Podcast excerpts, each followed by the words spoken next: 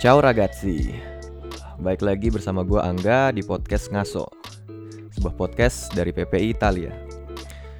Sebelum masuk ke tema hari ini uh, Gue cuma mau ngasih tahu lagi kalau podcast ini Audio filenya bakal kita upload di Anchor FM Yang berarti kamu bisa dengerin podcast ini via Spotify, Apple Podcast, Google Podcast, dan lain-lain. Nah, ngelanjutin dari episode 1 kemarin gue sempet kontakan sama Andrew setelah off rekaman.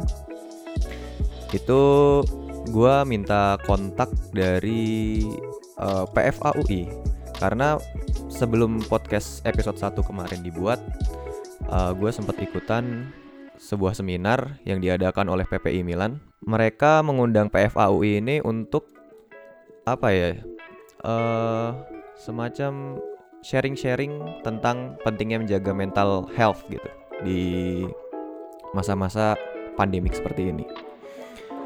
Setelah itu gue langsung uh, ngehubungin uh, PFAUI yaitu lewat Instagramnya di FPSI UI for Indonesia kalau nggak salah. Terus uh, mereka langsung jawab dengan responsif dan cepat gitu ya. Dan gue langsung dihubungin sama salah satu anggotanya, yaitu Kabila. Halo Kabila. Halo. iya ini, nah jadi kemarin kan sebenarnya aku udah ini ya, udah ngehubungin beberapa apa ya semacam organisasi psikologi gitu loh, selain PFAU ini. Hmm, iya, iya, iya. Terus okay. banyak dari mereka yang apa ya antara balasnya lama atau uh, mm -hmm. formalitasnya belibet gitu.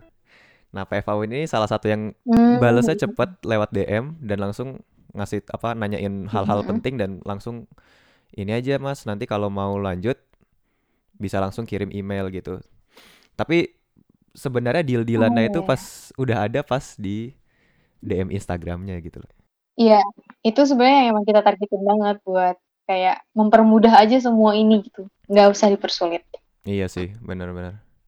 Sebenarnya tapi aku juga penasaran kan, PFAU itu organisasi yang bergerak di bidang apa sih? Uh, mungkin aku kasih tahu dulu kali ya PFA itu apa sih sebenarnya gitu. Oh iya iya boleh. Jadi uh, eh, PFA ini sendiri itu tuh akronim dari psychological first aid atau kadang disebut juga di Indonesia dengan si dukungan psikologis awal. Hmm. Jadi ini tuh sebenarnya upaya buat mendampingi atau memberikan pendampingan psikologis awal buat orang-orang atau kelompok yang memang sedang lagi mengalami situasi krisis tertentu atau misalnya uh, setelah mengalami suatu trauma kayak misalnya bencana atau sekarang nih pandemi gitu mm-hmm. atau bisa juga nggak usah yang besar-besar kayak mungkin ada konflik atau kekerasan Nah, jadi PFA ini tuh sebenarnya bentuk tindakannya gitu. Jadi mungkin bukan organisasinya kali oh, ya. Jadi okay. kalau organisasinya bisa dibilang bentuk kerelawanan dari tim PFA itu. Oh, berarti nama organisasi itu sebenarnya tim PFA itu ya? Iya, uh -uh, tim PFA itu. Nah, jadi PFA ini adalah tindakannya dan kita itu bertindak uh, di bawah naungan kelompok riset kesehatan mentalnya Fakultas Psikologi UI.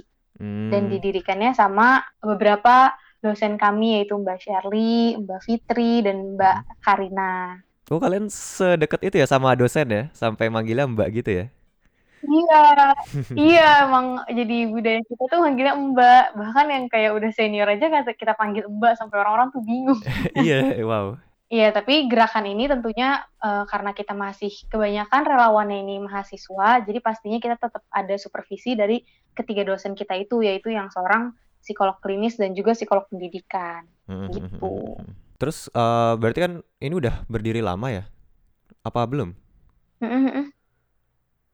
Uh, sebenarnya belum sih. Jadi tuh uh, kalau bisa boleh ceritain dikit, hmm. jadi tuh kita awalnya ini di bulan Januari tuh ada pelatihan di psikologi kayak dari tim riset kesehatan mental komunitas ini hmm. buat uh, teman-teman mahasiswa siapa nih yang mau jadi tim relawan PFA uh, buat kita ngasih bantuan psikolog uh, si, apa bantuan psikologis dibantu sama tiga psikolog kita tadi yeah. dan pelatihannya itu tuh uh, kayak selama tiga hari gitulah gitu. Nah uh, kemudian di Januari itu tadinya tuh buat ngebantuin uh, korban bencana alam yang waktu itu lagi uh, bumi yaitu tuh uh, terutama di Banten mm-hmm. karena ada banjir terus juga ada longsor itu kan. Nah tadi itu kita mau menargetkan ke arah sana. Jadi setelah mungkin sudah situasinya udah mulai mereda dan kita bisa memberikan bantuan psikologis, kita mau ke sana tadinya. Oh, okay. Nah, tapi ternyata uh, ada dan lain hal dan akhirnya uh, pas pandemi gini kita kira dosen-dosen itu mikir kayak oh ini tuh bisa digerakkan anak-anaknya buat memberikan bantuan psikologis apa dukungan psikologis awal tadi gitu. Jadi akhirnya kita bergerak lah gitu. Jadi baru dari Januari sih gitu. Oh, Januari ini, Januari 2020 ini. Mm -mm. Oh, wow. Iya, dari Januari 2020 ini baru bener-bener apa ya? Mungkin baru rampungnya, baru selesai pelatihannya gitu. Terus uh, berarti kan ini nggak cuma buat intra Universitas Indonesia aja kan? Enggak sih. Jadi uh, ini bisa buat uh, umum hmm. dan kita memang uh, memfokuskan buat ngebantu orang-orang yang memang membutuhkan gitu. Hmm. Yang kayak tadi yang lagi mengalami situasi krisis. Iya, iya, iya. Aku juga uh, penasaran kan uh, apalagi lagi musim pandemi ini kan ya, Bill. Mm-hmm. Berarti udah banyak dong sampai saat ini yang mungkin organisasi atau individu gitu ya yang udah ngontak PFAUI mm-hmm. buat antara buat ngasih seminar kayak PPI Milan kemarin atau sekedar mm-hmm. untuk curhat lah bahasa ininya. Banyak berarti kayak gitu-gitu. Sebenarnya kalau dibilang banyak sih uh, mungkin dibanding kayak platform-platform kesehatan mental lainnya kita nggak sebanyak itu sampai yang tadi hmm. crowded atau mungkin antri atau gimana. Uh, tapi memang kita sekarang uh, lagi bergerak aja gitu. Jadi kayak kemarin ada di PPI, PPI Milan minta bantuan, kita kasih, kita bantu uh, sebisa mungkin. Hmm. Dan juga sekarang kita lagi berfokus juga nih ngadain webinar yang kurang lebih sama kayak PPI Milan kemarin, tapi untuk uh, mahasiswa UI dan nantinya hmm berharapnya di Sabtu ini nih uh, mungkin bisa juga dikasih ke ma uh, masyarakat secara umum. Jadi tapi lewat online juga. Paling itu aja sih. Oh, berarti kebanyakan dari yang ngehubungin PFAU ini untuk ini ya, hmm. semacam seminar, semacam itu ya. Kalau untuk yang curhat-curhat gitu, ada juga nggak sih yang individu yang misalkan apa ya resah gitu sama keadaan sekarang dan kira-kira butuh uh, first aid, apa psychological first aid bahasanya? Sebenarnya ada sih uh, beberapa pertanyaan-pertanyaan atau mungkin uh, keluh kesah yang hmm. didapatkan sama kita mungkin dari DM Instagram atau bahkan ada juga yang reach out ke teman-teman relawannya secara langsung kayak. Hmm. Jadi kan mungkin kalau ke Instagram langsung masih kerasa jauh ya ada kesenjangan dalam kerelawanan ini kayak boleh uh, tolong nggak kemarin kayak uh, kita ngeliat nih webinarnya gini gini gini mau nanya lagi kayak gitu gitu sih hmm. tapi buat curhat atau misalnya buat bertanya-tanya kita selalu open melalui Instagram, Line atau mungkin email uh, pokoknya kontak aja kalau misalkan membutuhkan. Uh, selama ini nih menurut teman-teman dari tim PFAUI sendiri dan dari hasil hmm. yang apa ya yang mungkin dari beberapa yang udah kalian bantu gitu secara psikologikal itu biasanya rata-rata ngeluhin apa sih? Kalau sebenarnya secara umum orang-orang di sekitar kita tuh hmm. kebanyakan hmm. ngeluhin tentunya uh, ini sih ya karena mungkin kebanyakan yang kontak kita masih mahasiswa iya. cakupannya yeah. banyak yang bilang kalau mereka itu kesepian sama kangen sama teman-teman oh, yeah. atau bahkan rutinitas hariannya kayak kampus terus ada juga mungkin yang magang yang organisasi kayak kangen kayak gitunya terus juga udah mulai ngerasa bosen Terus uh, ada juga yang bilang udah menemukan gesekan-gesekan tertentu nih sama keluarganya kayak ada konflik-konflik yang karena tadinya kan keluarganya mungkin jarang ketemu gitu kan. Hmm. Terus tiba-tiba semuanya harus dikumpulin di satu rumah. Terus berkeseharian kayak biasa cuman di dalam rumah jadi ada konflik-konflik tertentu gitu. Itu semua muncul karena ini, karena di belakang karena Covid ini bukan? Baru-baru ini apa? Iya, karena COVID ini kebanyakan. Wow, uh sampai segitunya Karena ya? kan sebenarnya iya, kita karena kan sebenarnya kita emang baru mulai benar-benar menggencarkan informasi itu dan webinar-webinar ini kan sepanjang COVID ini ya. Jadi emang kebanyakan keluhannya terkait COVID ini gitu. Dan emang sebenarnya bisa benar-benar sengaruh itu sih sampai ada yang mungkin ngerasa kayak demotivasi banget kayak rasanya tuh nggak mau ngapa-ngapain maunya diem aja gitu padahal tugas makin banyak kayak gitu itu yang ngebuat orang-orang jadi malah makin stres kayak gitu-gitu kan iya mm-hmm. Tapi emang bener ya maksudnya belakangan ini suka baca-baca gitu ya selain, Mhm. eee, tentang kesehatan apa, kesehatan badan gitu, cuci tangan macem-macem. Eee, kesehatan Mhm. mental juga katanya berpengaruh besar gitu ya untuk ada keterkaitannya juga nggak sih sama kesehatan fisik dan, eee, dan yang lainnya gitu? Mungkin Oke, mungkin kalau misalnya ngomongin keterkaitan kesehatan mental sama kesehatan fisik gitu ya atau Mhm. biologis Heeh. yang secara kesehatan yang umumnya orang-orang tahu, Iya. pastinya ada keterkaitan sih. Kayak sebenarnya, eee, ini tuh ada pembahasannya. Jadi salah sebenarnya kan ada banyak nih sudut pandang di dunia psikologi atau dunia kesehatan gitu ya. Hmm. Tapi, eee, salah satunya yang ngebahas tentang kehubungan kesehatan fisik dan kesehatan psikologis itu ada sebenarnya namanya perspektif biopsikososial. Jadi gimana sebenarnya manusia dan lingkungannya itu sangat amat mempengaruhi satu sama lain gitu. Dan di manusianya ini sendiri ada bagian dari yang psikologisnya dan ada juga bagian dari kesehatan fisiknya.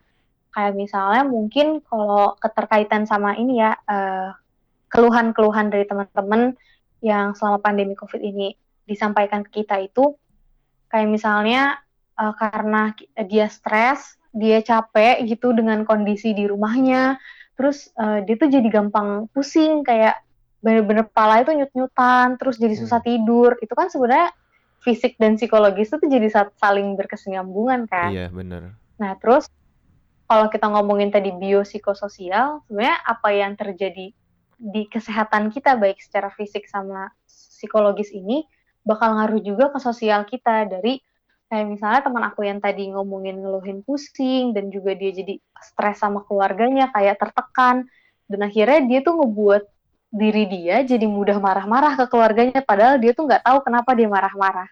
Dan Mmm. ngebuat akhirnya keluarganya jadi hubungan dia sama keluarganya jadi nggak enak kan. Iya. Nah, kayak misalnya salah satunya kayak gitu. Jadi emang bener-bener, eee, gimana ya, manusia tuh nggak bisa lepas dari lingkungan, Mhm. dan lingkungan kita tuh nggak bisa lepas dari diri kita sendiri-sendiri. Mmm, mhm mhm. Terus tadi kan sempet disebutin juga tuh stres ya, eee, yang Mhm mhm.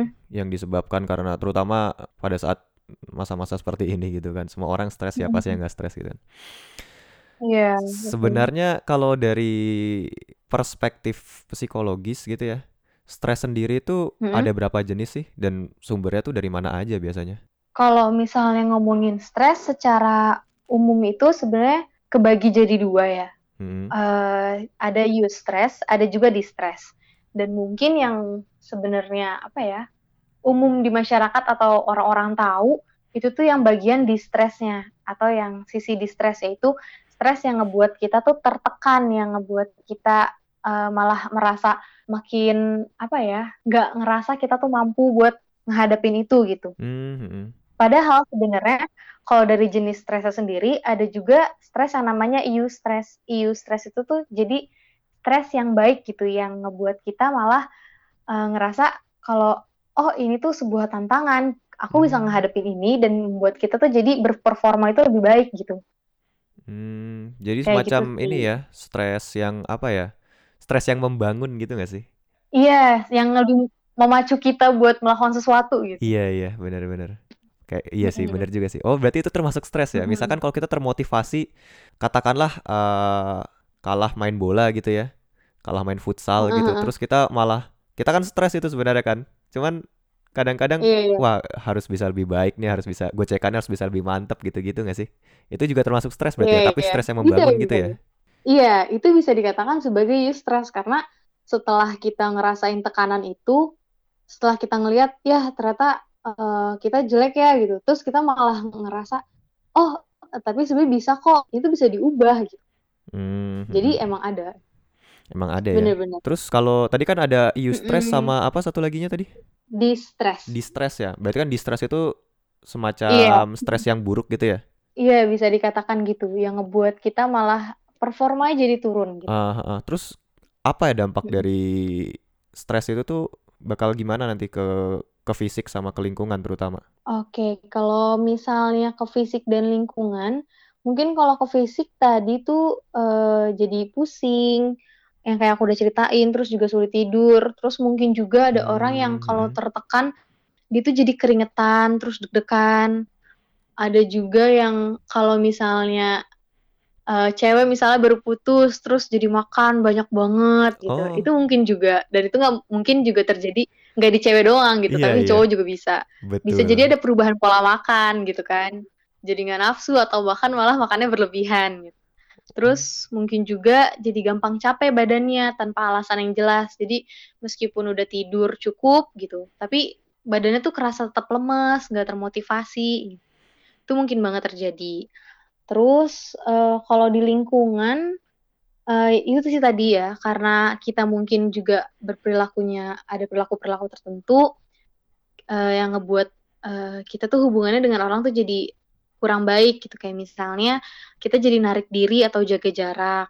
Terus mm-hmm. bisa juga kayak tadi kita lebih mudah emosi, marah-marah nggak jelas gitu. Cuman padahal cuma hal sepele tapi kitanya meledak-ledak gitu. Mm-hmm. Tapi ada juga yang malah dia tuh karena dia tertekan dia jadinya nyari nyari banget nih dukungan buat apa dukungan dari orang lain. Kayak malah main terus malah nggak ngerjain tugas terus jadi kayak ngobrol uh, main game gitu. Itu mungkin banget. Terus uh, misalkan kalau kita kedapatan nih, kedapatan uh, stres yang termasuk dalam distress tersebut ya. Kan kalau EU stres kan justru mm -hmm. malah bagus ya karena kita membangun apa membangun diri kita dan membangun uh, dan kita belajar dari mm -hmm. situ gitu kan. Tapi kalau kita kedapatan mm -hmm. distress ini kira-kira ada nggak cara untuk apa ya menanggulangi lah apa ya bahasanya ya mungkin kayak uh, menghadapi lebih tepatnya menghadapi stres ini gitu loh biar hmm. gak biar nggak ngelewatin uh, batas yang kira-kira berlebihan gitu sebenarnya buat cara menanggulangi stres ini kalau di psikologi itu biasanya dikenal dengan coping stress gitu jadi emang coping ini kan emang cara kita menghadapi sesuatu ya hmm, Nah, hmm, coping stress ini sendiri berarti cara kita menghadapi stres gitu. Nah, kalau yang paling sering diketahui sama orang-orang dan sering kita pakai juga itu sebenarnya ada dua pendekatan. Yang pertama itu problem focus coping sama emotion focused coping. Jadi uh, yang pertama itu yang problem focus itu berarti kita menyelesaikan uh, apa ya menghadapi stresnya dengan menyelesaikan dulu nih akar permasalahannya yang ngebuat kita stres atau sumber-sumber stres kita.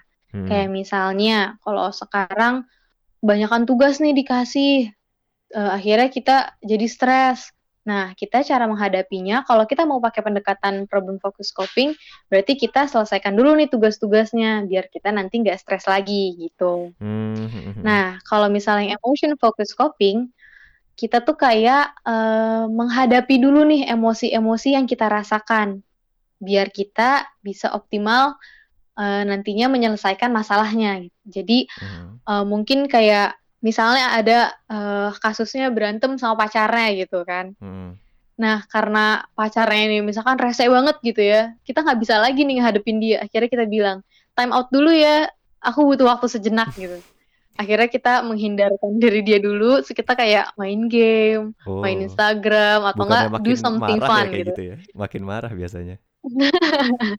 nggak tahu emang tiap orang beda-beda sih ya. Tapi misalnya kayak gitu ngepokoknya ngebuat kita jadi lebih tenang dulu atau mungkin kayak tarik nafas gitu. Pokoknya kita menghadapi emosi kita dulu menyelesaikan perasaan-perasaan kita baru nantinya kita balik lagi ke sumber stresnya dan menghadapi itu gitu. Dan sebenarnya ini sih nggak harus kayak terbagi dua banget gitu ya. Hmm. karena sebenarnya kan uh, keduanya tuh saling melengkapi. Kayak misalnya kalau kita terlalu fokus mengatasi masalah dan kita nggak menyelesaikan perasaan perasaan-perasaan kita kan nggak bagus juga ya karena iya, nanti betul. bisa jadi menumpuk jadi menggunung hmm. terus tiba-tiba meledak itu kan sebenarnya nggak bagus juga dan atau mungkin kita terlalu asyik sama perasaan kita ya udah kita maunya happy happy dulu tapi tugas nggak dikerja kerjain gitu kan nanti jadi nilai apa ngedampak lagi ke nilai jelek apa apa yang ngebuat kita jadi stres lagi jadi hmm, hmm, hmm. sebenarnya keduanya ini harus harus dilakukan beriringan gitu. Harus dan saling melengkapi sih. Terus kan uh, di masa-masa covid ini ya masa-masa pandemi ini orang-orang yang enggak uh, aku cerita aku sendiri dulu ya. Aku sendiri tuh ngerasa kayak di aku harusnya kan kalau pakai logika sendiri ya kalau pakai logika aku itu mm-hmm. kalau kita stay di rumah stay di rumah terus nggak nggak nggak keluar keluar gitu mm-hmm. harusnya kan tenaga kita energi kita itu kan banyak ya tapi kok mm-hmm. malah berkebalikan gitu loh begitu sekarang kejadian gitu loh mm. apakah apakah itu reaksi yang lazim gitu di terutama di saat uh, pandemi ini gitu iya iya oke okay. berarti pertanyaan lebih ke arah sebenarnya reaksi yang normal tuh kayak gimana sih kalau lagi kayak iya, gini bener. gitu ya uh-uh. kalau misalnya kita ngomongin normal nggak normal reaksinya ya. Mm-hmm. Sebenarnya apa pun yang kita tunjukkan di saat-saat kayak gini itu tuh suatu hal yang normal karena mm-hmm. sekarang kita ngeliatnya gini karena keadaan yang kita alami sekarang misalnya yang pandemi ini ya mm-hmm. itu kan suatu hal yang gak normal kan karena kita kepaksa di rumah aktivitas hari sehari-hari kita semuanya berubah bahkan keseharian orang-orang lain juga berubah itu kan sebenarnya jadi suatu hal yang gak normal. Mm-hmm. Nah, ketika ada suatu peristiwa yang tidak normal terjadi sama kita, reaksi apa pun yang kita keluarkan tuh menjadi hal yang normal. Jadi mau kita marah, mau kita sedih, bahkan kita nggak ngerasain apa-apa itu tuh hal yang normal. Dan setiap orang bisa beda-beda reaksinya. Jadi kayak bahkan kalau tadi kamu cerita kayak kita di rumah aja, tapi kenapa jadi lemes ya? Nggak ber, mm-hmm. nggak semangat, kayak capek. Itu tuh hal yang normal. Dan tapi mungkin yang bisa dikatakan kalau misalnya di, ditanyain tentang baik atau buruknya, baru kita bisa nilai nih dari cara gimana kita uh, ngehandle reaksi kita itu gitu. Mm-hmm. Misalnya kita udah tahu nih reaksi kita tuh uh, sebenarnya kita tahu reaksi kita normal. Misalnya kita jadi marah-marah, terus mm-hmm. karena kita tahu normal, kita jadi marah-marah mulu gitu. Nah itu tuh sebenarnya hal yang tidak baik gitu. Jadi gimana kita menghadapi reaksi kita itu yang baru bisa kita nilai nih. Sebenarnya ini hal yang buruk atau hal yang bagus sih gitu. Hmm. Kalau misalnya kita hmm. sadar, oh iya, gue marah-marah terus nih. Tapi hmm. uh, ini tuh bisa berdampak buruk loh ke orang-orang sekitar gue gitu. Hmm. Kayak misal uh, orang-orang sekitar gue mungkin bakal ngerasa uh, capek sama gue gitu. Dan akhirnya kita nggak berteman lagi atau kita nggak deket lagi oke okay, berarti gue harus mengubah reak apa menahan reaksi gue biar nggak marah-marah terus.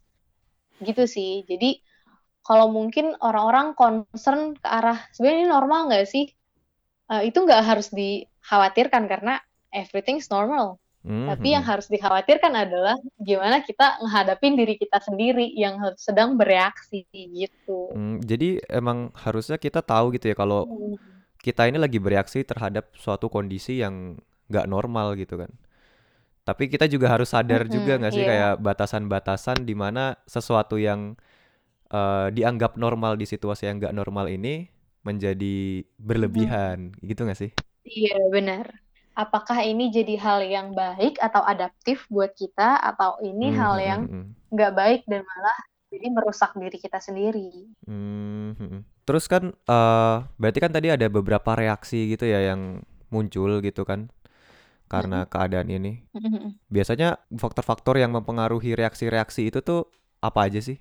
Kalau misalnya faktor-faktor ini uh, sebenarnya sih benar-benar beragam sih. Beragam uh, ya. Kayak pertama bisa jadi kita uh, antar individu ini kayak misalnya gimana aku uh, menghadapi suatu peristiwa sama gimana kamu menghadapi suatu peristiwa kan itu bisa jadi suatu hal yang berbeda ya. Mm-hmm. Dan gimana kita mempersepsikan suatu keparahan atau sumber peristiwanya ini juga bisa berbeda. Jadi kayak misalnya aku ngerasa kalau uh, ya di Indonesia COVID ini masih biasa-biasa aja misalnya. Tapi sementara kamu udah ngerasa kalau di Indonesia tuh udah parah juga loh gitu. Kok kalian diem-diem aja sih gitu. itu mungkin akan menciptakan reaksi yang berbeda kayak misalnya kalau orang yang ngelihatnya lebih parah dia bakal lebih panik lebih cari-cari informasi gitu mm-hmm. atau kalau misalnya di orang yang tadi nggak gitu panik dia jadi kayak reaksinya ya udah biasa aja bahkan mungkin masih keluar-keluar jalan-jalan gitu terus bisa juga dipengaruhin sama uh, punya nggak sih kita pengalaman yang sama uh, dengan peristiwa saat ini gitu. hmm. kayak mungkin di orang tua kita atau di daerah-daerah tertentu ada aja nih yang pernah pengalaman sama uh, virus kor apa SARS juga yang sama kan kurang lebih kayak gini. Hmm. Nah itu mungkin mereka akan memiliki reaksi yang berbeda kayak mungkin mereka ketakutannya juga akan lebih tinggi dan juga uh, ketidaknyamanan yang dirasakan juga lebih tinggi kayak gitu-gitu. Hmm. Terus um, bisa juga pengaruh dari dukungan yang kita dapat dari orang lain. Kayak kan uh, setiap orang pertemanan dan pola pertemanannya juga beda-beda ya. Hmm. Jadi bisa jadi perbedaan-perbedaan reaksi ini muncul dari situ. Kayak kita ngerasa cukup didukung gak sih? Ada dukungan gak sih? Kayak gitu. Hmm. Berarti emang kadang-kadang ya secara definisi juga manusia itu kan makhluk sosial sih ya. Jadi kita mau nggak Iya, mau benar. butuh ini ya orang lain gitu ya. Iya. Mm-mm, kalau dari dukungannya. Paling faktor yang juga mempengaruhi uh, reaksi yang muncul ini juga dari usia sama kesehatan fisik kita. Hmm, hmm, hmm. Kayak misalnya, Bener. uh, ini kan mungkin juga nih kelihatan dari uh, gimana orang-orang tua mulai apa paniknya atau ketakutannya berbeda sama anak-anak muda yang remaja-remaja atau bahkan anak kecil yang masih mau main keluar rumah gitu. Hmm, hmm, hmm. Itu kan juga bisa kita lihat kan. Nah, dari kesehatan fisik itu juga kayak orang-orang yang lebih rentan, kayak punya uh, apa punya resiko yang lebih tinggi, itu juga akan lebih panik dibanding kita yang uh, mungkin uh, istilahnya sehat-sehat aja gitu bi- bisa Mhm. dibilang. Dan ada juga faktor dari budaya sama tradisi. Kayak misalnya di daerah-daerah tertentu kalau di Indonesia nih kemarin kasusnya ada yang masih meminta buat uh, pemakaman jenazah yang meninggal karena Hmm, COVID hmm, itu hmm. juga dimakamkan dengan uh, seharusnya se- uh, kayak biasa aja, nggak harus dibungkus plastik, dibuat peti atau gimana, nggak mau kayak gitu ya. Itu kan Iya. juga ada latar belakang tradisi yang mempengaruhi juga kan. Hmm, Kayak gitu bener sih. tradisi ya. Serem juga sih kalau kemarin baca-baca berita yang itu tuh. Kalau Iya, jadi ya sebenarnya kita nggak bisa menyalahkan mereka sih ya, karena kan mungkin mereka punya pemahaman yang berbeda. Hmm, hmm, hmm, Tapi kita jadi ikut khawatir aja gitu ya. khawatir bener kayak satu Iya, kalau kita nggak ikutan. salah tuh kemarin sempat ada beritanya kan yang apa ya ada yang meninggal gitu kan terus eh, udah dibungkus plastik karena pada saat itu diagnosa COVID-nya belum ini belum muncul nggak tahu sekarang gimana perkembangannya cuman terakhir aku baca kayak gitu terus sampai Iya. di ini sampai dibuka gitu sama keluarganya plastiknya itu uh Iya, dan satu desa kan heeh. terancam jadi apa bahasa Indonesianya ODP ya ODP Mm-mm. gitu kan orang dalam pengawasan Iya, ODP. Mm-mm. Hmm. Iya, begitulah. Jadi emang bener-bener apa ya? Ya kayak ya sebagai individu aja yang ngaruhin kita dalam keseharian atau kita jadi diri kita sekarang aja banyak banget gitu. betul Gitu juga eh, reaksi-reaksi yang bisa kita munculin, pengaruhnya itu bisa banyak banget. Mhm. Balik lagi ke reaksi ini kan. Kalau dari segi psikologi sendiri ada nggak sih kayak apa ya batasan gitu loh benchmark di mana kita tahu nih kalau ini udah udah berlebihan gitu. Kapan sih kita harus sadar gitu kalau apa yang kita alami ini yang tadi normal jadi nggak normal gitu. Hmm, oke. Berarti kapan ini tuh menjadi suatu hal yang harus kita ubah gitu ya? Em, sebenarnya kalau dilihat eh, ini sih balik lagi ke diri kita masing-masing. Kayak kita ya sendiri yang bisa menilai kapan suatu hal itu bagus dan kapan suatu hal itu buruk bagi diri kita. Nah, kalau misalnya kiranya sudah eh, ngebuat diri kita ngerasa eh, capek, terus juga nggak bisa berfungsi dengan maksimal, kayak mungkin yang tadi tugas-tugas kita dapat jadi nggak bisa diselesaikan, terus juga Mhm. hubungan dengan orang lain juga jadi berubah, jadi mungkin jadi kurang baik. Nah, itu tuh mungkin kita saatnya mengaca kayak apa sih yang mungkin menyebabkan ini, apa apa bisa jadi dari reaksi-reaksi yang kita tunjukin ini nih yang menyebabkan adanya perubahan-perubahan tertentu. Kayak gitu Mhm, sih. mhm, mhm. Dan yang paling mungkin kalau di biasanya ya di dunia psikologi itu yang paling rambu merah dan yang harus diperhatikannya itu ketika eh, kita udah eh, ada kecenderungan untuk menyakiti diri sendiri ataupun orang lain. Itu sih yang udah Hmm. bener-bener menunjukkan kayak you need- we need help gitu. Kita Mhm, butuh mhm, mhm. bantuan. Iya sih. Kadang-kadang saking stresnya gitu kan kayak apa ya pokoknya saking ter- tertekannya gitu kan kita kayak ngerasa diri kita nggak berguna ngerasa ya banyak lah Mm-mm, hal-hal negatif yang tiba-tiba Iya muncul benar-benar. gitu pada saat seperti itu gitu. Mm-mm. Iya benar-benar. Kalau untuk Benar ngadepin banget. apa ini reaksi-reaksi kayak gini tuh beda nggak sih sama stres tadi? Uh, mungkin uh, ada sedikit perbedaan kali ya. Hmm. Kalau misalnya stres itu bisa dikatakan sumbernya kan jelas gitu. Bisa jadi kalau reaksi di suatu di situasi yang nggak normal ini, hmm. Kita belum bisa menemukan secara jelas nih sumber-sumbernya apa gitu. Hmm. Hmm. Nah kalau misalnya aku kalau dari kemarin kita dapat pelatihan itu kita sih dikasih tahu gini, kalau misalnya di situasi yang normal, eh yang nggak normal sekarang, yang bisa kita lakukan itu buat menghadapi reaksi-reaksi yang beragam itu adalah mengontrol apa yang bisa kita kontrol dan melepaskan yang nggak bisa kita kontrol atau hmm, hmm, lebih ke arah ya udah kita trying to let go the things that we can control yang di luar dari kehendak kita gitu. Benar. Karena uh, sebenarnya yang ngebuat kita agak chaos gitu di saat-saat kayak gini tuh sebenarnya kita tuh ngerasa kalau kita tuh kehilangan kontrol dari diri kita kayak dengan misalnya pandemi ini gini ya. Hmm. Dengan ada pandemi ini kita disuruh uh, di rumah social distancing, physical distancing. Kita jadi nggak punya kontrol kayak lah, kok tiba-tiba gue disuruh di rumah kayak dikandangin gitu misalnya istilahnya. Hmm. Terus tiba-tiba kita jadi nggak punya nggak bisa ngapa-ngapain. Terus kita jadi ngerasa lah terus gue bisa ngapain dong gitu kita jadi kayak kehilangan segala hal yang biasanya kita lakukan gitu yang kita kontrol hmm. nah akan baik ketika kita tuh bisa kembali beradaptasi lagi nih menghadapi gimana nih mana ya hal-hal yang bisa kita kontrol mana yang nggak bisa kita kontrol hmm. kayak misalnya kita ngelihat kalau misalnya dikasih tugas atau dikasih uh, deadline sama dosen itu kan sebenarnya tugas-tugas dan deadline-nya bukan kita yang kontrol kan hmm. tapi kita tuh bisa ngontrol gimana kita mengatur jadwal sehari-hari kita biar menyesuaikan sama deadline yang udah dikasih sama si dosen dan akhirnya ngebuat kita jadi uh, nggak uh, begitu tertekan misalnya kayak gitu.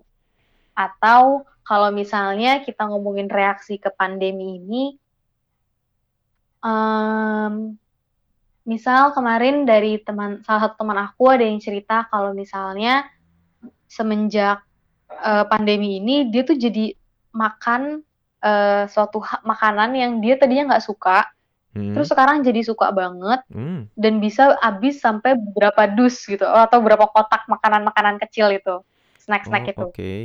dalam waktu satu minggu gitu itu kan suatu hal yang mengagetkan kan buat dia yeah, kayak yeah. itu tuh bukan hal yang normal padahal gitu tapi it's normal dan yang bisa kita lakukan buat menghadapi reaksi itu adalah gimana kita ngekontrol diri kita akhirnya untuk ngejaga biar makanan asupan makanan itu jadi nggak berlebihan dan nggak sehat buat kita gitu.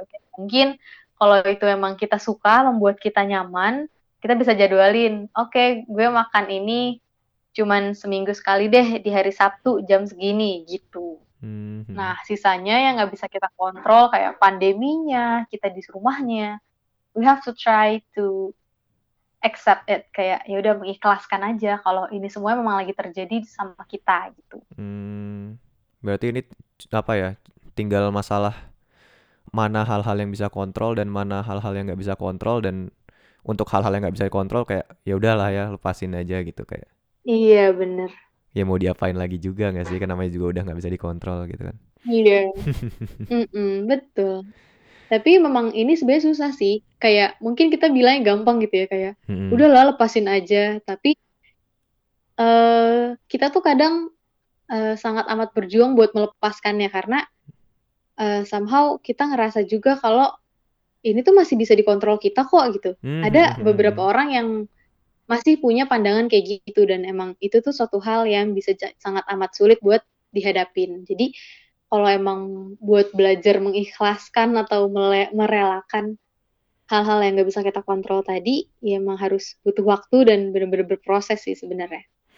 Iya kadang-kadang juga apa ya uh, orang cenderung suka menyalahkan keadaan yang sebenarnya nggak bisa dia kontrol, tapi dia menyalahkan dirinya sendiri gitu akhirnya. Iya, nah itu dia tadi bener. Ada emang bang, emang ada orang kayak gitu dan nggak sedikit dari kita yang kayak gitu. Hmm, hmm, hmm, Tapi itu tadi sebenarnya ya kita we have to know that it's not in our control gitu. Itu bukan bagian dari diri kita. Kita tuh kelepas kok dari itu gitu. tenang aja kita kita dia ya dia itu ya itu entah apa pun itu ya itu di luar sana hmm. bukan di hmm, diri hmm. kita gitu terus untuk apa ya misalkan kalau kita pengen ini ya santai pengen relax di zaman-zaman mm-hmm. pandemi ini kira-kira ada uh, teknik khusus gitu nggak sih buat misalkan kayak ya biar nggak biar nggak berlebihan gitu reaksinya apa hmm. selain bersabar dan tawakal jadi kayak mungkin ini kayak buat menenangkan jiwa dan raga gitu ya. Iya iya. Selain sabar dan tawakal. Ada sih. Um, kemarin juga kita ini lagi kita uh, suarakan juga biar mungkin membantu teman-teman buat lebih relax lebih kayak kalau misalnya kan kadang kita nggak bisa ngontrol ya. Hmm. tiba-tiba kita bereaksi aja. Padahal hmm. kita lagi ngapain? Misalkan kita lagi ngerjain tugas terus tiba-tiba panik sendiri atau pikiran macem-macem atau bahkan ada yang mau tidur pas lagi merem tiba-tiba mikirin kapan ini covid selesai gitu. mungkin ya kan jadi iya jadi kan kita nggak tahu gitu nah kita juga lagi berusaha nih buat menyampaikan kalau tenang hmm. aja sebenarnya ada kok cara-cara buat menenangkan diri sesaat gitu hmm. nah sebenarnya ini nggak nggak cuma bisa dilakukan buat di selama pandemi ini, tapi ini juga bisa dilakukan kapan pun dalam konteks apa pun yang sekiranya dibutuhkan sama teman-teman. Uh, yang biasanya kita uh, suarakan atau kita promosikan itu sih teknik relaksasi ada dua, yaitu square breathing atau hmm. kayak bernafas, teknik pernafasan dengan membuat kotak gitu atau persegi. Dan yang kedua itu imagery safe place. Jadi kayak kita ngebuat tempat aman dan nyamannya kita secara imajiner buat ngebuat kita ngerasa lebih aman dan nyaman gitu. Hmm, jadi membayangkan hal-hal yang baik dan apa ya? Uh, ya pokoknya membayangkan hal-hal baik dan hal-hal positif itu juga salah satu cara membantu ya untuk keadaan seperti ini ya. Iya. Meskipun iya, hanya bayangan. Banget. Jadi, mm -mm, benar.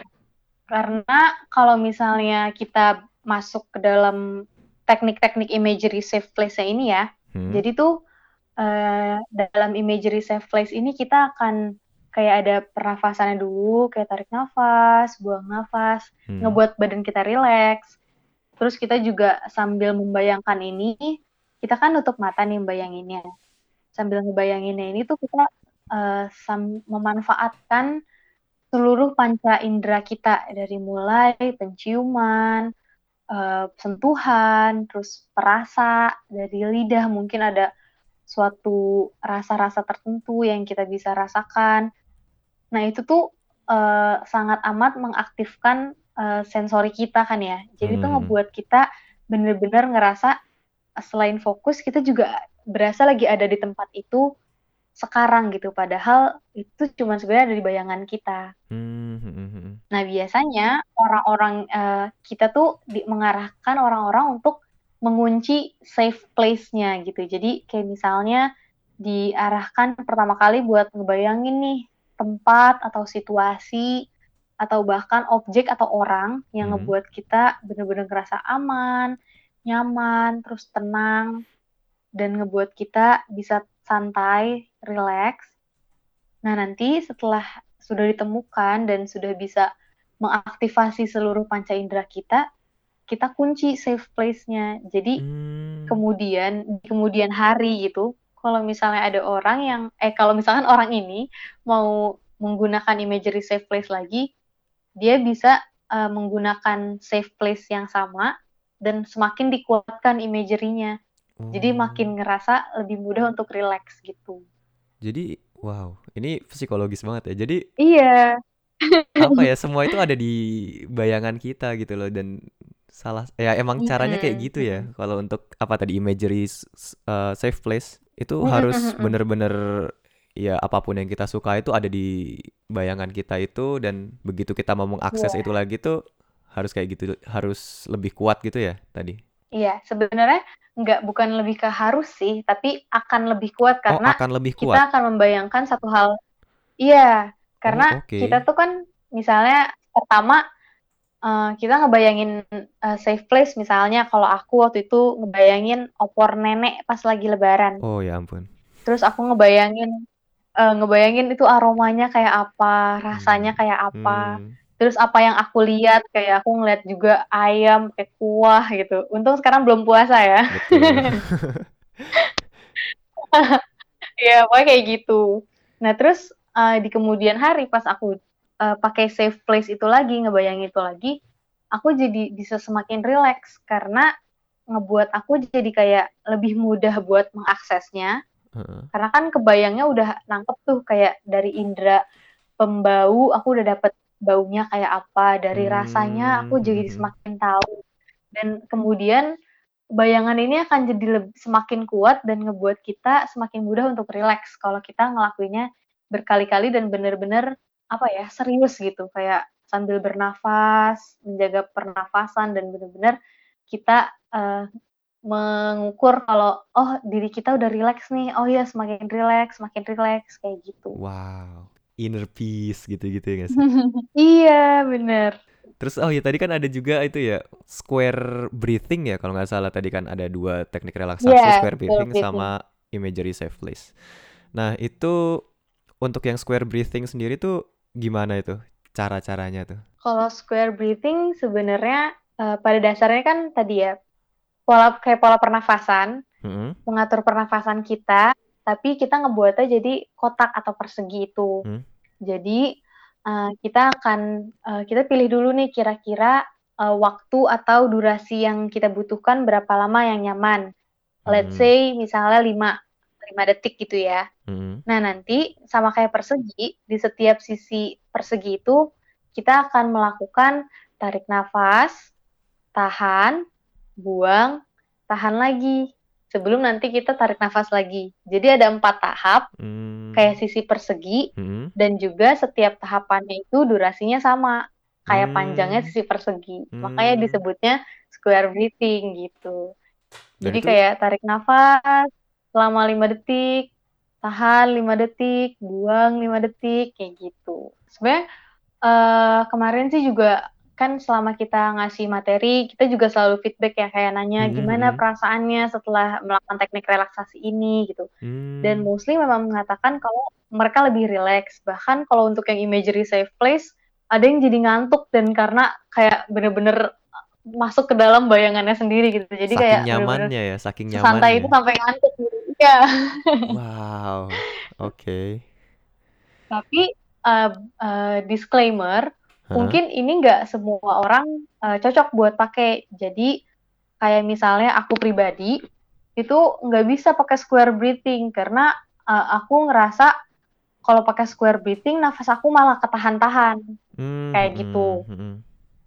Misalnya kayak kan tadi kan square breathing harus tarik, tahan, buang, tahan, ya hmm. kan? Nah kalau di aku aku nggak bisa sebelum uh, tarik nafas aku tahan dulu. Jadi kayak aku kayak gitu meskipun waktunya tuh udah durasinya udah cukup pendek kayak misalnya hmm. Eh, empat hmm. uh, detik tiga detik tapi di aku masih ngerasa kurang nyaman dan hmm. kalau nggak nyaman ya tentunya kita jadi nggak rileks kan Betul. jadi nggak harus ini tuh dilakukan gitu sebenarnya ini sebenarnya optional aja buat teman eh, teman-teman kenali gitu kalau ini tuh ada loh gitu tapi ya dicoba dulu juga nggak apa-apa kali ya nanti masalah uh, pas iya, atau bener. enggaknya ya belakangan gitu. Seenggaknya kita nyoba dulu kalau emang ini pas ya udah yeah. lanjut gitu kan. Kalau enggak ya pilih yang lain gitu. Imagery square apa imagery yeah, safe place juga banget. menurutku ini banget sih, bagus banget sih untuk relax itu.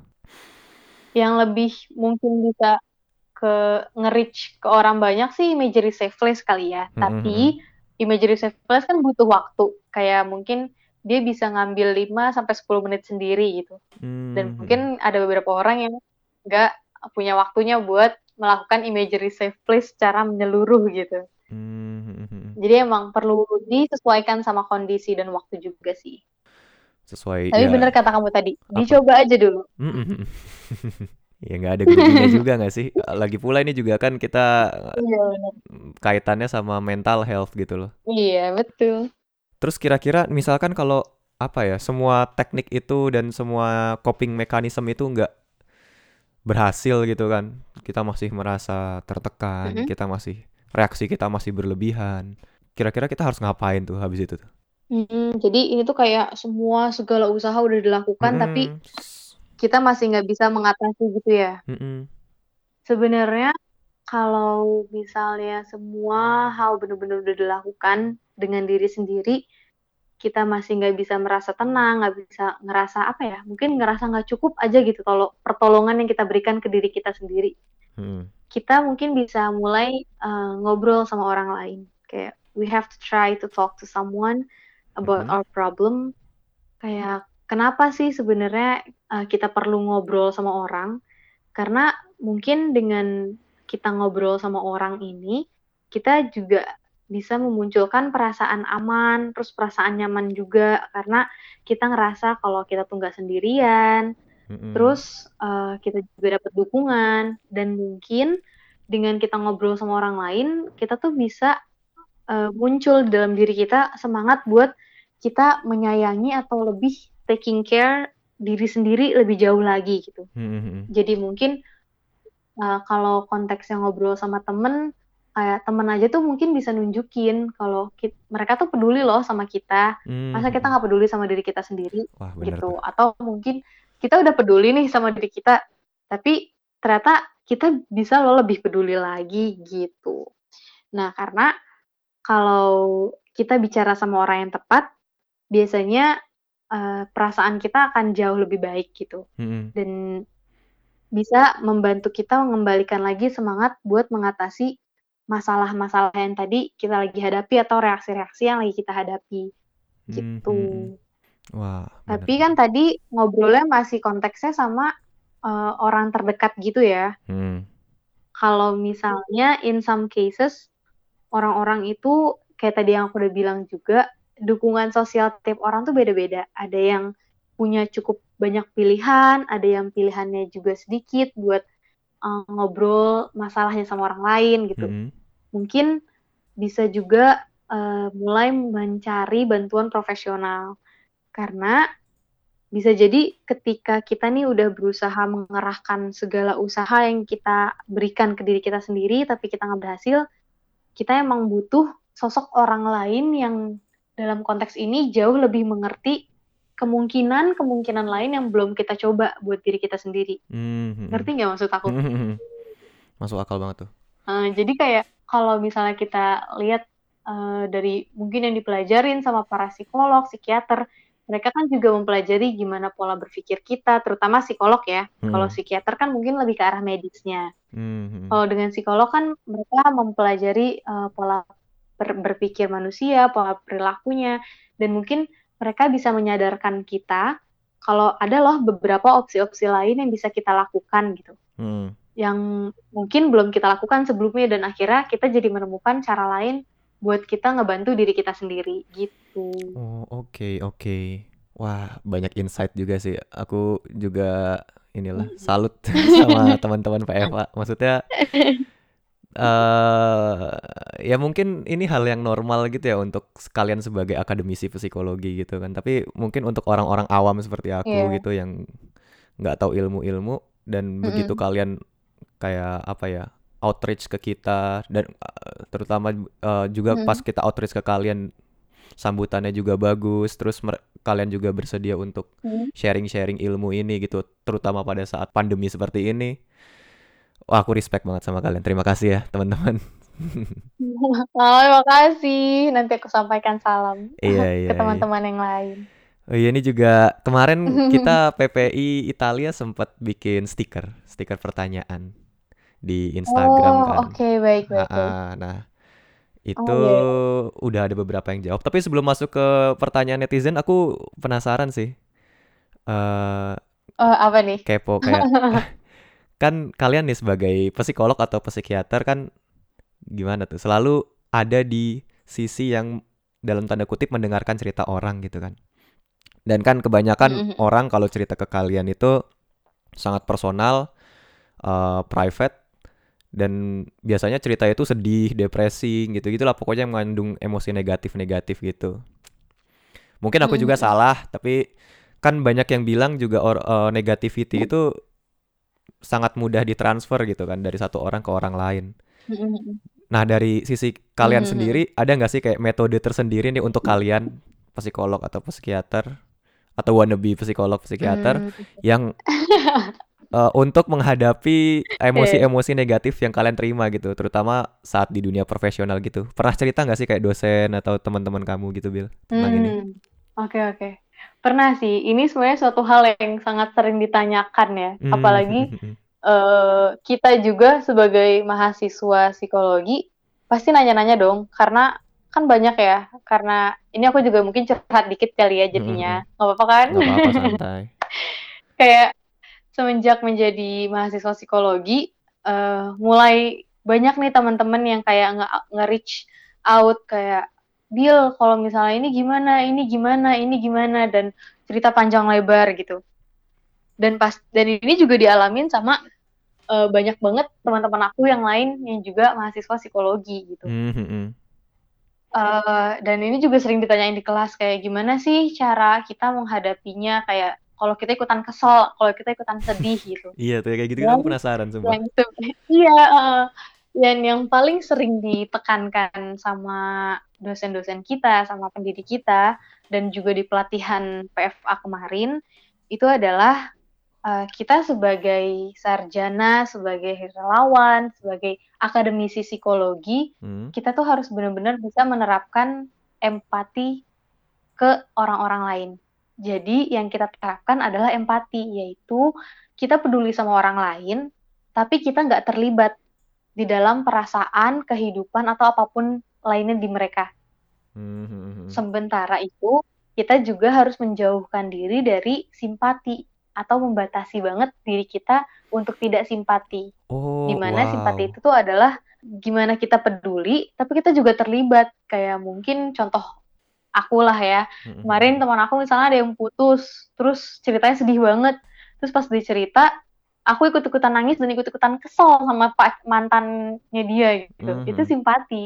Oh. Tapi ketika aku harus uh, menghadapi orang lain yang juga lagi cerita dan di saat itu dia lagi membutuhkan bantuan aku banget sebagai relawan misalnya ya, relawan PFA ini, aku harus menempatkan diri aku untuk meningkatkan empati dan menjauhi simpatinya ini empati di mana kalau misalnya pakai contoh yang sama tadi teman aku, misalkan ada yang cerita uh, dia putus sama pacarnya terus uh, pacarnya tuh ngeselin banget misalnya sampai sejauh abusive let's say mm-hmm. itu pasti aku sebagai manusia marah dong mm-hmm. tapi uh, di saat itu aku mungkin aja mengeluarkan air mata aku mungkin uh, menunjukkan kalau misalnya kayak oh iya itu hal yang menyedihkan ya kamu putus sama uh, pasangan kamu But hmm. that's it. Aku nggak boleh ikut-ikutan terlibat dalam permasalahannya dia yang begitu mendalam sampai aku pun ikut ngerasa marah-marah atau yang kamu bilang tadi negativitinya itu ke transfer ke dalam hidup aku. Hmm,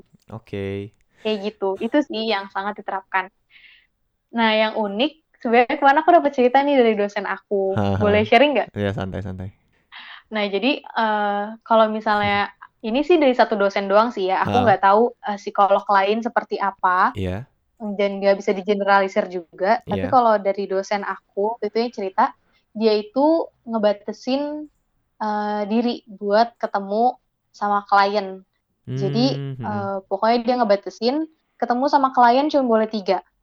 Kalau lebih dari tiga, dia bisa stres banget di hari itu. Dia bisa capek banget. Dia bisa bener-bener worn out yang kayak aduh energi gue keambil semuanya gitu. Iya iya, itu loh.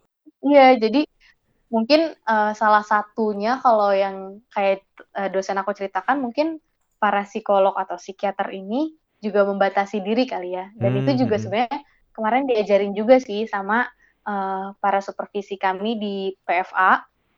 Kalau kita juga harus uh, belajar membatasi diri dan mengenali sejauh mana sih kita mampu memberikan bantuan ke orang lain. Hmm. Jadi jangan hmm. sampai pas kita mau ngasih bantuan sebenarnya yang butuh bantuan itu kita bukan hmm, orang lain okay. nah gitu jadi kita harus benar mengenali diri banget sih oh iya iya dan itu ya dari cara-cara itu juga ternyata emang profesional banget ya maksudnya mungkin awalnya terdengar apa ya terdengar jahat gitu ya nggak jahat juga sih terdengar jahat yeah. tanda, tanda kutip kalau kita membatasi simpati kita terhadap orang lain gitu mungkin kalau mm. itu kamu ngomong ke teman kamu yang lagi dicurhat yang lagi curhat tentang cowoknya aku harus membatasi yeah. simpati aku ke kamu mungkin dia bakal sedih gitu kan Iya benar-benar. Iya, cuman ya mau gimana lagi Emang gitu. itu tricky sih. Iya, emang itu triknya. Iya, iya. Cara-cara profesional. Wow. Masuk ke pertanyaan netizen nih. Wah, pertanyaan netizen bahasanya. Oke. Padahal cuma Iya dikit makanya sebenarnya. udah kayak nggak apa-apa lah yang penting ada yang nanya. Iya, baru episode 2 juga. Nanti kalau udah booming baru mungkin banyak. Ini ada Nanti kalau ada pertanyaan. bunyi, bu Ya? Iya. Kalau ada apa tadi? Kalau enggak booming? jadi. Is, nggak apa-apa lanjutin lah. Enggak enggak jadi. Enggak, kalau udah booming panggil-panggil lagi ya. Oh iya aman aman aman. Oh ini nih ada nih ada beberapa pertanyaan. Mulai dari mana dulu ya? Mau nih dari anonim. Dia eh, bilang mau bagi tipsnya dong dari PSI UI. Saya ekstrovert dan sudah mencoba berbagai bentuk usaha agar tidak bosan di rumah. Tapi lama-lama bosan juga dengan usaha-usaha tersebut gitu. Misalkan fit call, nonton film atau series, baca buku, coba resep-resep masakan baru dan lain-lain gitu kan. Gimana ya caranya? Kadang merasa fit call tuh apa? Temporary relieving, nggak healing gitu. Terima kasih gitu. Oke.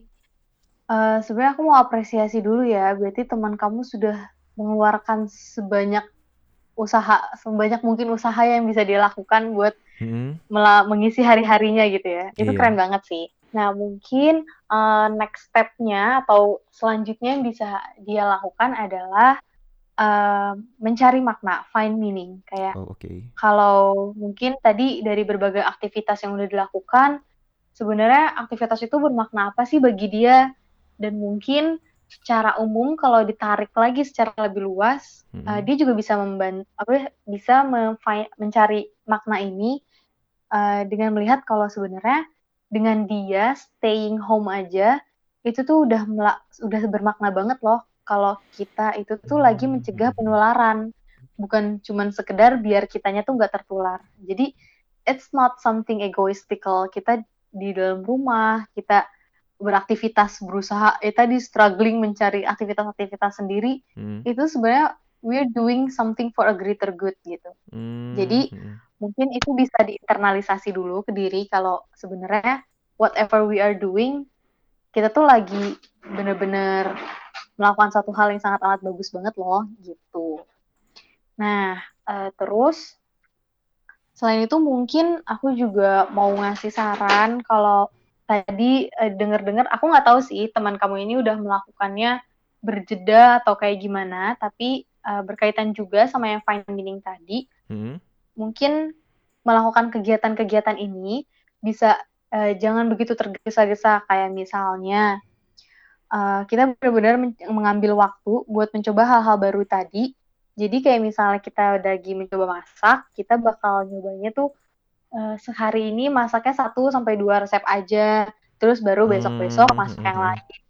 Karena eh, ada kemungkinan karena kita lagi berusaha banget nih mencari kegiatan, kita jadi melakukan segala sesuatu hal dalam satu waktu yang sedikit gitu. Jadi jedanya sedikit-sedikit kayak Mm, mm. pagi nyoba masak ini, besok nyoba masak itu, besok lagi ini, ini, ini.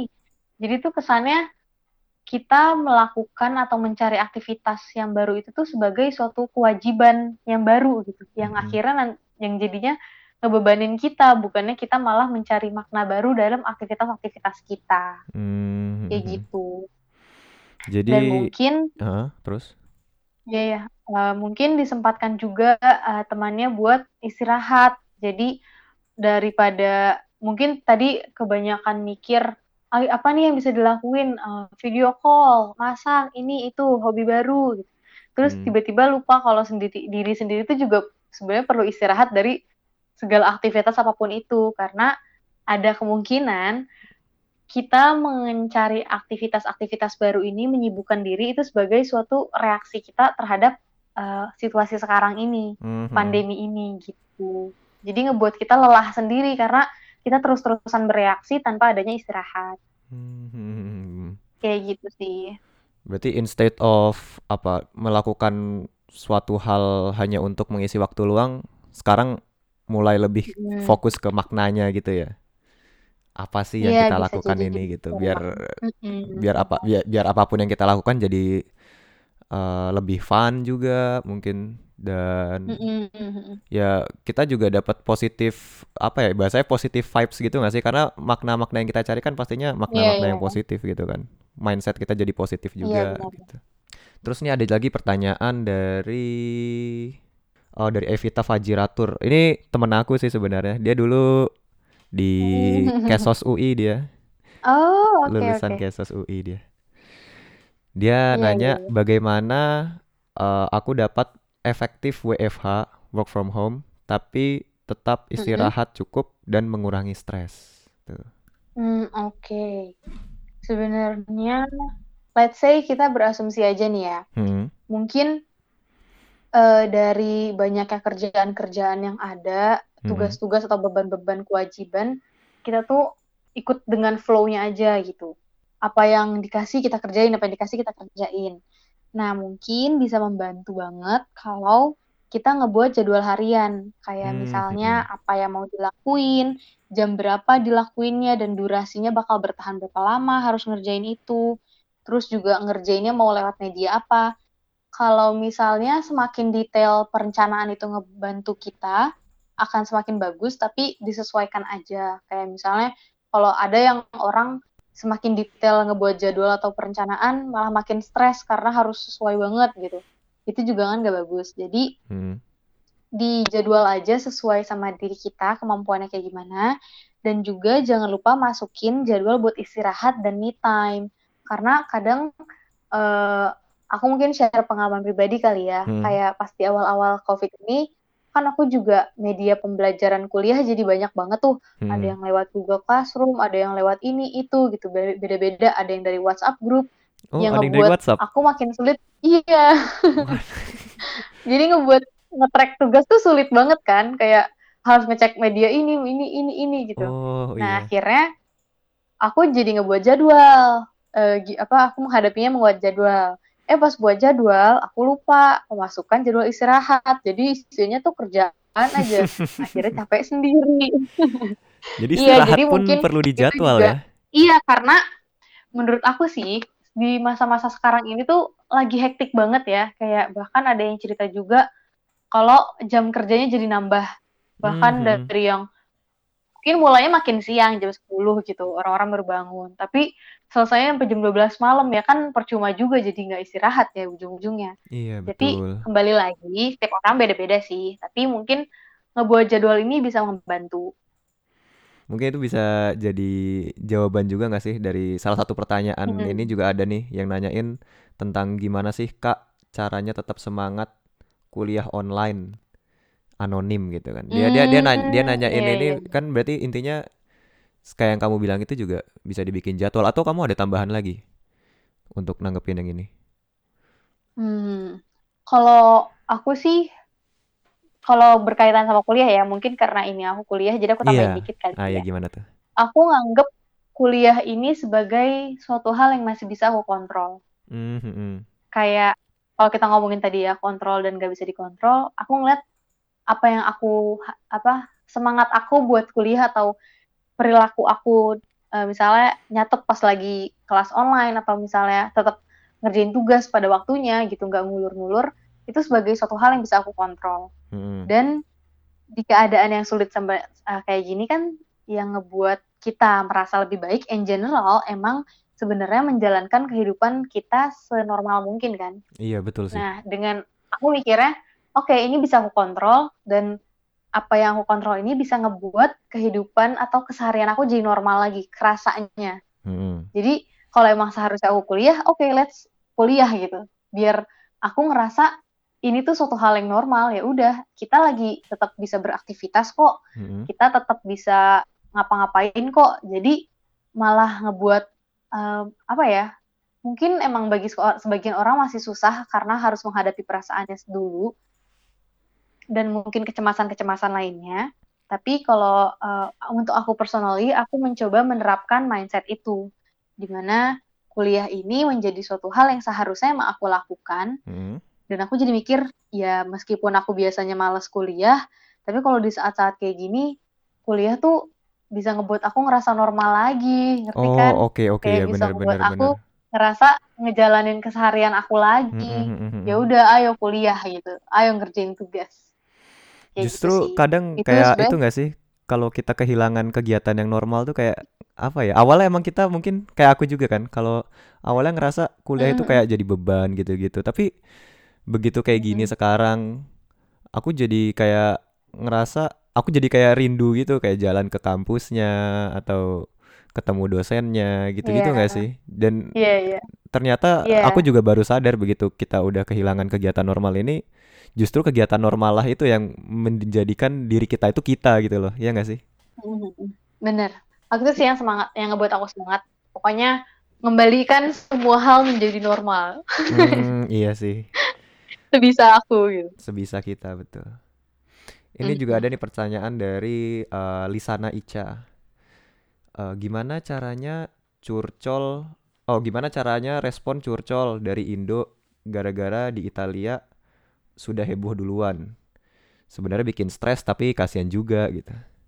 Nah iya tuh aku juga suka ini nih. Hmm, aku juga suka dapet tuh WA WA hmm. dari keluarga atau tiba-tiba ditelepon sama anggota keluarga yang nanyain gitu gimana kabar Italia? Gimana kabar Italia? gitu terus aku sendiri jatuhnya kayak stres gitu kan bukan stres sih mungkin jatuhnya kayak hmm. males gitu lama-lama yeah, yeah, yeah. ngecekin WhatsApp tuh yeah, kayak yeah, sesuatu yeah. yang sesuatu hal yang aku nggak ingin lakukan gitu loh padahal dulu mungkin aku suka oh, suka yeah, banget yeah. buka. WhatsApp aku bacain satu-satu gimana tuh sebenarnya ini emang jadi salah satu pertanyaan yang paling sering ditanyakan juga ya iya. dari teman-teman PPI Milan kemarin iya betul dan emang dan ternyata pas kemarin kita ngadain webinar di Indonesia pun muncul beberapa pertanyaan yang sama untuk teman-teman yang lagi ngerantau. Mm-hmm. Jadi sebenarnya kemungkinan ada kemungkinan nih orang yang nanya-nanyain kabar kita terus atau orang yang nge-forward forward uh, pesan-pesan atau berita-berita yang apalah itu tentang COVID yang ngebuat kita capek itu mungkin mereka tuh sendiri tuh lagi ngerasa stres mm-hmm. dengan situasi yang mereka hadapi gitu. Dan gak semua orang nyaman buat ngakuin kalau kita tuh lagi stres. Jadi dia ngerasa enggak gue enggak stres tapi lo nih yang harusnya stres gitu akhirnya dia melemparkan perasaan stres atau kecemasannya ke orang lain gitu oh. misalnya dengan mengirimkan pesan-pesan seperti itu dan itu juga sebenarnya salah satu bentuk reaksi yang wajar di kala seperti ini. Mm-hmm. Nah kita sebagai orang mungkin yang udah tahu nih, oh reaksi seperti itu bisa muncul ya. Mm. Mungkin yang bisa kita lakukan adalah kita memberi batasan dan berusaha buat berkomunikasi dengan baik. Hmm. Pertama, kalau misalnya kita udah nggak mampu lagi nih dengerin curhatan, atau mungkin tadi ada keluarga-keluarga yang ngirimin uh, kekhawatiran-kekhawatiran, berita-berita, atau pertanyaan-pertanyaan, kita we own it aja, kita bilang aja kayak uh, maaf, tapi saat ini kita tuh uh, aku lagi ngerasa gini-gini gini, atau kita bilang uh, aku saat ini lagi nggak bisa dengerin ceritanya karena aku sendiri lagi ngerasa lalalalala. Mm-hmm. Pokoknya buat sebisa mungkin buat juga kasih penjelasan ke mereka kalau uh, kalian itu juga sedang tidak baik-baik saja kalau misalkan mereka melakukan hal-hal kayak gitu. Mm. Tapi sebenarnya uh, kita tuh nggak berkewajiban sih buat menjelaskan semua muanya gitu sedetail mungkin. Kayak aku lagi stres juga dengan situasi ini harap tidak gitu. Nggak nggak harus kayak gitu banget. Sebenarnya kalau sebenarnya kita bilang kayak sekedar uh, maaf ya sekarang aku lagi gak bisa dengerin cerita kamu dulu mm -hmm. itu udah cukup banget. Mm -hmm. yang penting kita mau minta maaf gitu kan. Tapi kalau misalnya kita mau ngejelasin kalau uh, keadaan kita mungkin uh, konteksnya orang tua gitu yang emang butuh penjelasan atau teman-teman deket kita yang mungkin dia lagi butuh banget tapi kita nggak bisa gitu. Mungkin kita kan ada baiknya memberikan sedikit penjelasan kayak kita uh, lagi nggak bisa karena apa nih? Kayak gitu. Hmm.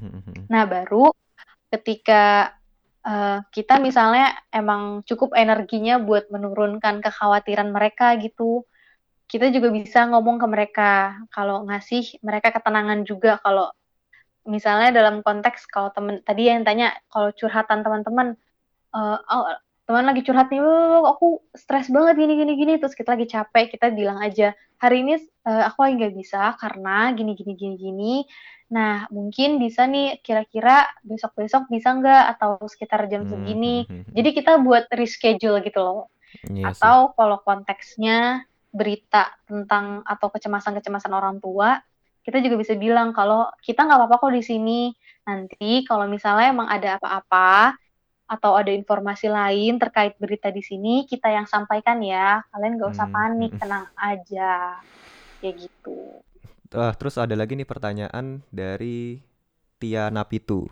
Hmm. Eh, ini dia nanya untuk yang LDR gimana solusinya? Mungkin maksudnya ini kali ya, gimana untuk yang LDR agar selalu keep in touch Mm-mm. Dan gak bosen gitu dalam berkomunikasi, terutama saat saat sekarang gitu. Mungkin aku jawab secara personal dulu kali ya. Oke, Tapi disclaimer dulu, ini pengalaman pribadi aku karena Mhm. aku juga LDR. oke.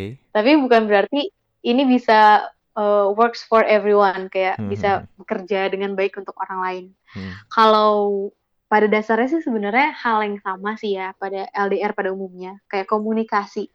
Karena mungkin pandemi ini ngebuat ada perubahan-perubahan jadwal tertentu atau kesibuk kesibukan-kesibukan lain Hmm. karena tugas, kerjaan, we don't know whatever it is. Tapi ada baiknya kalau perubahan-perubahan ini tetap kita komunikasikan. Jadi eh, pasangan pun tetap apa ya, kayak up to date dengan kegiatan-kegiatan kita, kesibukan-kesibukan kita. Hmm. Ya sama aja kayak keseharian kita pada umumnya ngabarin gitu kalau lagi abis ini aku rapat ya, abis ini aku nugas ya, kayak gitu. Hmm. Dan kalau misalnya ada perasaan-perasaan tertentu yang mengganggu, kayak misalnya ada kepanikan, kecemasan, usahakan banget untuk eh, diskusikan ini secara objektif. Jadi dalam artian kalau kita ngelihat bahwa yang lagi panik tuh kita. Hmm, Jadi kita hmm, hmm, ngomong kalau aku lagi panik, aku lagi capek, aku lagi ini. Jangan sampai kita malah tadi melemparkan perasaan kita ke orang lain gitu.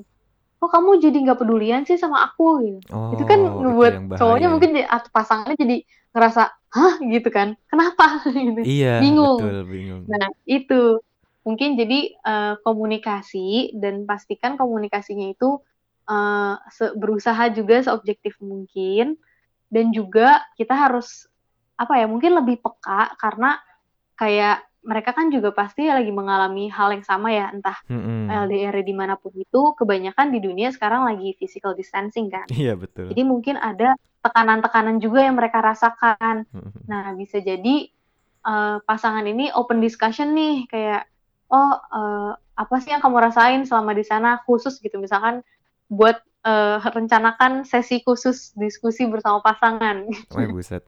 Sampai buat segitunya ya. mendiskusikan, iya misalnya gitu Iya. kan. Pokoknya ngobrolin aja gitu.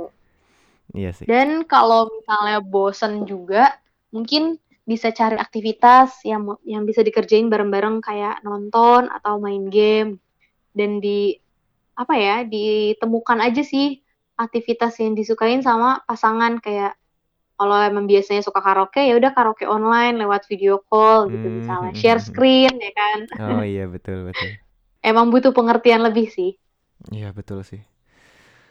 Hmm, apalagi ya lagi masa-masa kayak gini lah ya. Minimal orang sekarang Mm-mm. distance relationship lah, minimal berapa 2 meter.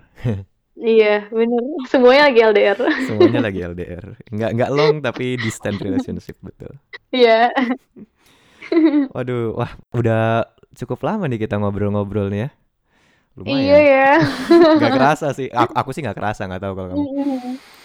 Makasih banget nih udah apa ya, udah eh, memberikan insight-insight baru lah, terutama untuk kita-kita yang awam gitu soal dunia psikologi ini. Kembali kasih. Makasih Salam juga nih buat teman-teman di tim PFA UI yang udah dengan sangat hangat gitu ya menyambut ajakan podcast ini. Juga kalau nggak salah kemarin di grup PPI Milan aku lihat kalian juga ada ini ya buka apa sih konsultasi gitu ya. Iya, kalau kalau misalnya mau juga bisa eh, kontak aja ke Instagram kita di @fpsiui.forindonesia itu. Ah, oke oke. Kalau gitu di sini Angga dan Nabila pamit. Grazie e buona serata.